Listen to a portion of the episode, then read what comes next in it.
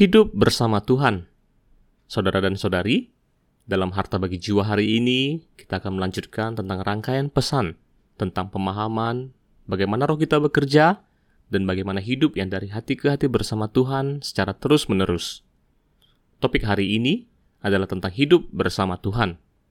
1 Tesalonika 5 ayat 10 memberitahu kita bahwa Tuhan telah mati untuk kita, supaya entah kita berjaga-jaga, entah kita tidur, kita hidup bersama-sama dengan Dia. Artinya, kita hidup bersama Tuhan, baik kita hidup di bumi ini maupun saat kita pergi dan melihat Tuhan. Inilah tujuan utama Tuhan mati bagi kita. Kenyataannya, Dia telah tinggal di dalam kita, kini hingga kekal.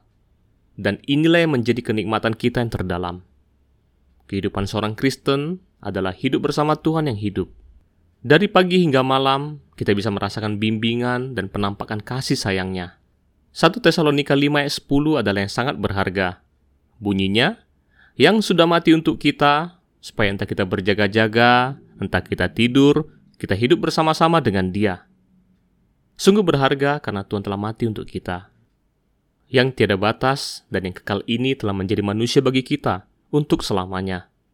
Dan dia telah menumpahkan darahnya Ayat ini memberitahu kita mengapa Tuhan mati untuk kita, yaitu supaya entah kita berjaga-jaga, entah kita tidur, kita hidup bersama-sama dengan Dia. Berjaga-jaga artinya kita masih hidup di bumi.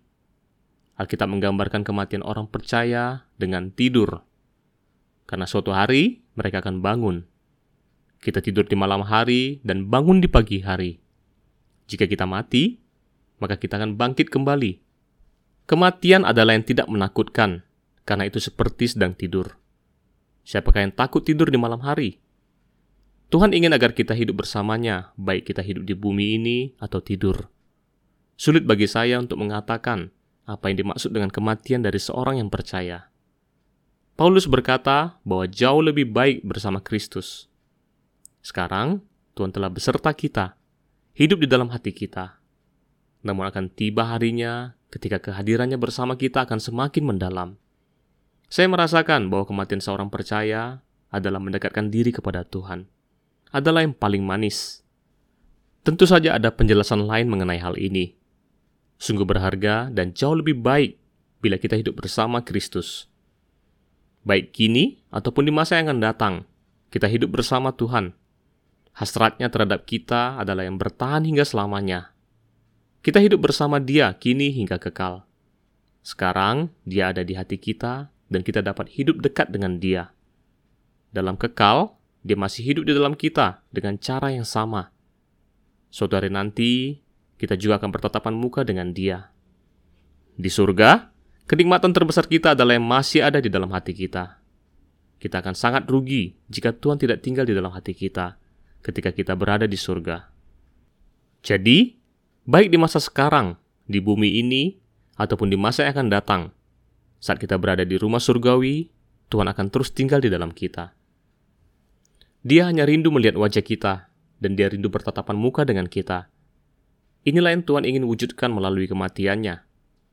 Saat ini, Tuhan telah tinggal di dalam kita, lebih dekat daripada sahabat atau kekasih mana pun.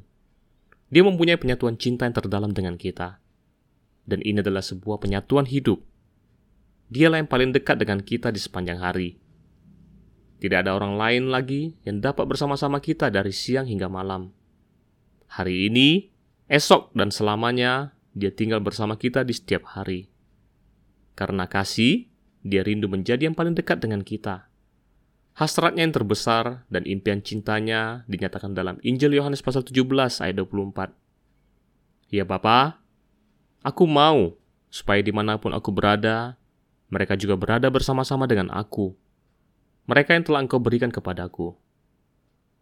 Pasal terakhir dari kitab terakhir dalam Alkitab, yaitu Wahyu 22, memberitahu kita bahwa Tuhan akan segera datang. Dia datang secara pribadi untuk menggenapi impian cintanya. Kehidupan orang percaya adalah hidup bersama Tuhan yang hidup. Dia mengubah kita dari dalam dan memenuhi kebutuhan rohani kita. Dari hati kita mengalir sumber kehidupan. Oleh karena itu, kondisi roh dan hubungan kita dengan Tuhan akan mempengaruhi hasil hidup kita.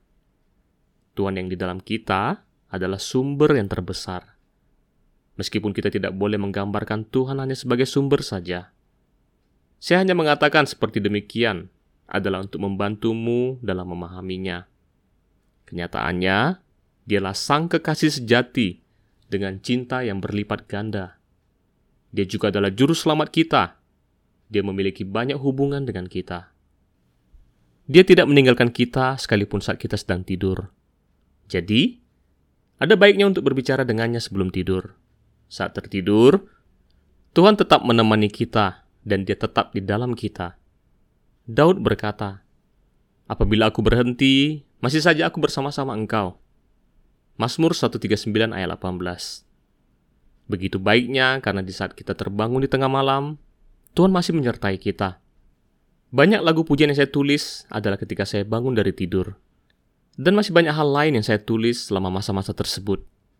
Tuhan dapat mengajarimu sekalipun kamu baru bangun dari tidur.